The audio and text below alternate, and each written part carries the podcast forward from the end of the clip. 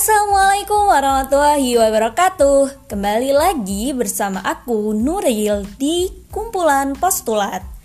Di episode pertama ini aku pengen bahas objek relativistik nih teman-teman.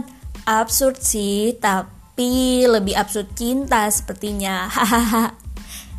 Teman-teman mungkin gak asing nih sama lirik lagu ini. Dengerin ya meski suara aku gak mirip sih sama aslinya. Rada fals gimana gitu Since the day you're tired, getting the time you lose is empty and cold without you hear too many people to each other. Ah, suaranya. nah, bagian awal sekaligus ref dari lagu Avenged Sevenfold ini menjadi topik yang akan aku bahas teman-teman tentang time atau waktu. Teman-teman tahu nggak sih, waktu secara khusus dibahas dalam Al-Quran nih, bahkan menjadi salah satu nama surat, yakni surat Al-Asr yang berbunyi Bismillahirrahmanirrahim. Wal asr innal insana lafi husn illa amanu wa amilus solihati wa tawasaw bil haqq haqqi wa tawasaw bis sabr. Sadaqallahul adzim. Artinya, demi masa, sungguh manusia berada dalam kerugian kecuali orang-orang beriman yang mengerjakan kebaikan serta saling menasihati untuk kebenaran dan saling menasihati untuk kesabaran. Nah, arti dari surat Al-Asr tadi senada dengan makna kalimat pertama dari lagu Says the yang tadi aku nyanyiin teman-teman yang menyatakan bahwa manfaatkan waktu atau kau akan mati menyesali waktu yang kau sia-siakan.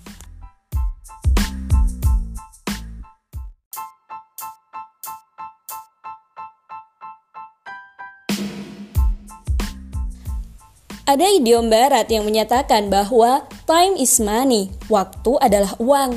Dari sangat berharganya waktu teman-teman, bahkan sampai dianalogikan dengan uang yang harus benar-benar kita manfaatkan dan optimalkan dengan baik dan tidak kita sia-siakan.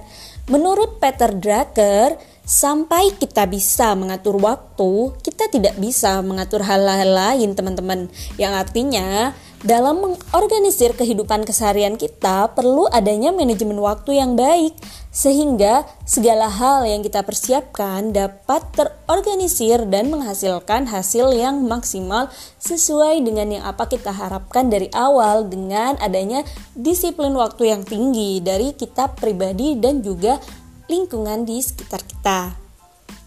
Dalam pepatah Arab kita mengenal al-waktu kasayif illam taqta'hu qata'ak. Yang artinya waktu itu bagaikan pedang. Jika engkau tidak menggunakannya dengan baik ia akan memotongmu.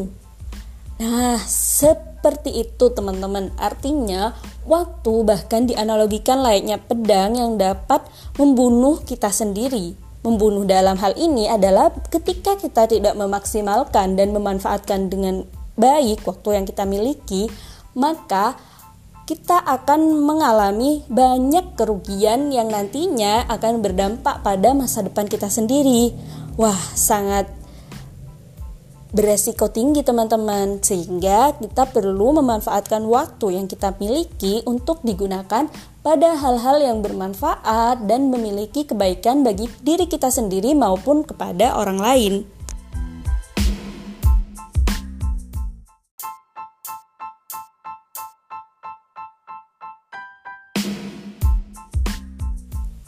Kembali ke topik awal nih tentang waktu sebagai objek relativistik.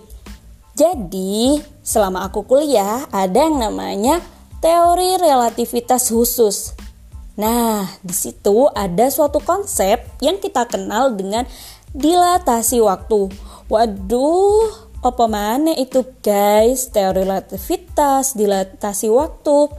Hmm, Kalian gak usah pusing ya teman-teman Cukup kalian dengerin aja podcast aku sampai selesai oke? Okay? Jadi teman-teman coba deh teman-teman tonton film Interstellar. Film ini mengangkat konsep tentang dilatasi waktu.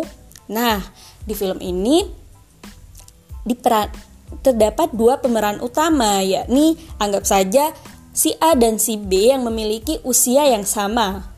Si A pergi keluar angkasa dengan roket berkecepatan mendekati kecepatan cahaya, sedangkan B tetap berada di bumi Selang beberapa tahun, si A kembali dan mendapati si B berusia jauh lebih tua dari si A. Mengapa hal ini dapat terjadi?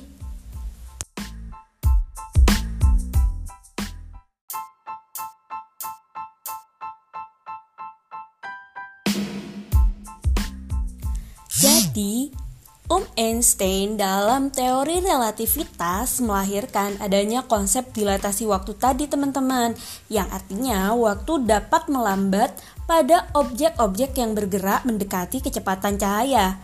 Artinya waktu akan menyusut dengan sangat signifikan. Wah, kok bisa ya waktu melambat dan menyusut?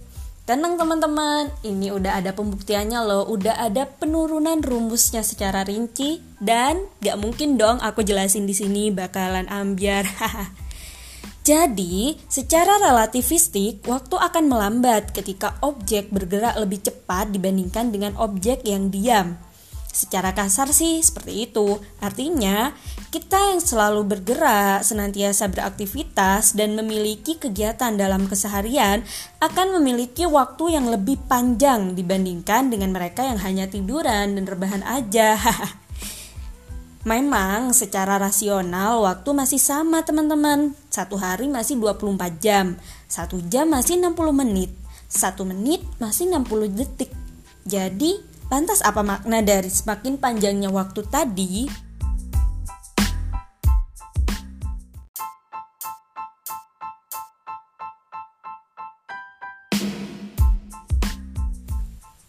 Semakin panjang waktu di sini dapat diartikan bahwa kita telah memanfaatkan waktu yang Allah berikan untuk melakukan hal-hal kebaikan dan terus bergerak sehingga tidak ada waktu yang terbuang sia-sia dengan hanya rebahan. Namun, kita dapat memberikan manfaat kepada sesama manusia yang lainnya. Jadi, kita benar-benar memaksimalkan waktu yang kita punya sehingga waktu terasa sangat panjang dengan diisi dengan kegiatan-kegiatan yang positif dan bermanfaat bagi orang lain di sekitar kita. Nah, udah dulu ya bahas objek relativistiknya. Aku tutup dengan pesan dari Samuel Smiles nih. Jadi, kerugian materi dapat digantikan dengan industri, kerugian pengetahuan dengan belajar, kehilangan kesehatan dengan kendali diri sendiri dan obat. Namun, waktu yang kita lewati akan hilang selamanya. Jadi, benar-benar kita harus memanfaatkan dan mengoptimalkan waktu yang telah Tuhan beri kepada kita, teman-teman. Nah, cukup sekian dulu ya podcast aku. Jika bermanfaat, jangan lupa share kepada teman-teman yang lain dan tunggu podcast aku selanjutnya. Semoga yang sedikit ini dapat memberikan kebermanfaatan bagi teman-teman semua. Sekian dulu dari aku. Wassalamualaikum warahmatullahi wabarakatuh.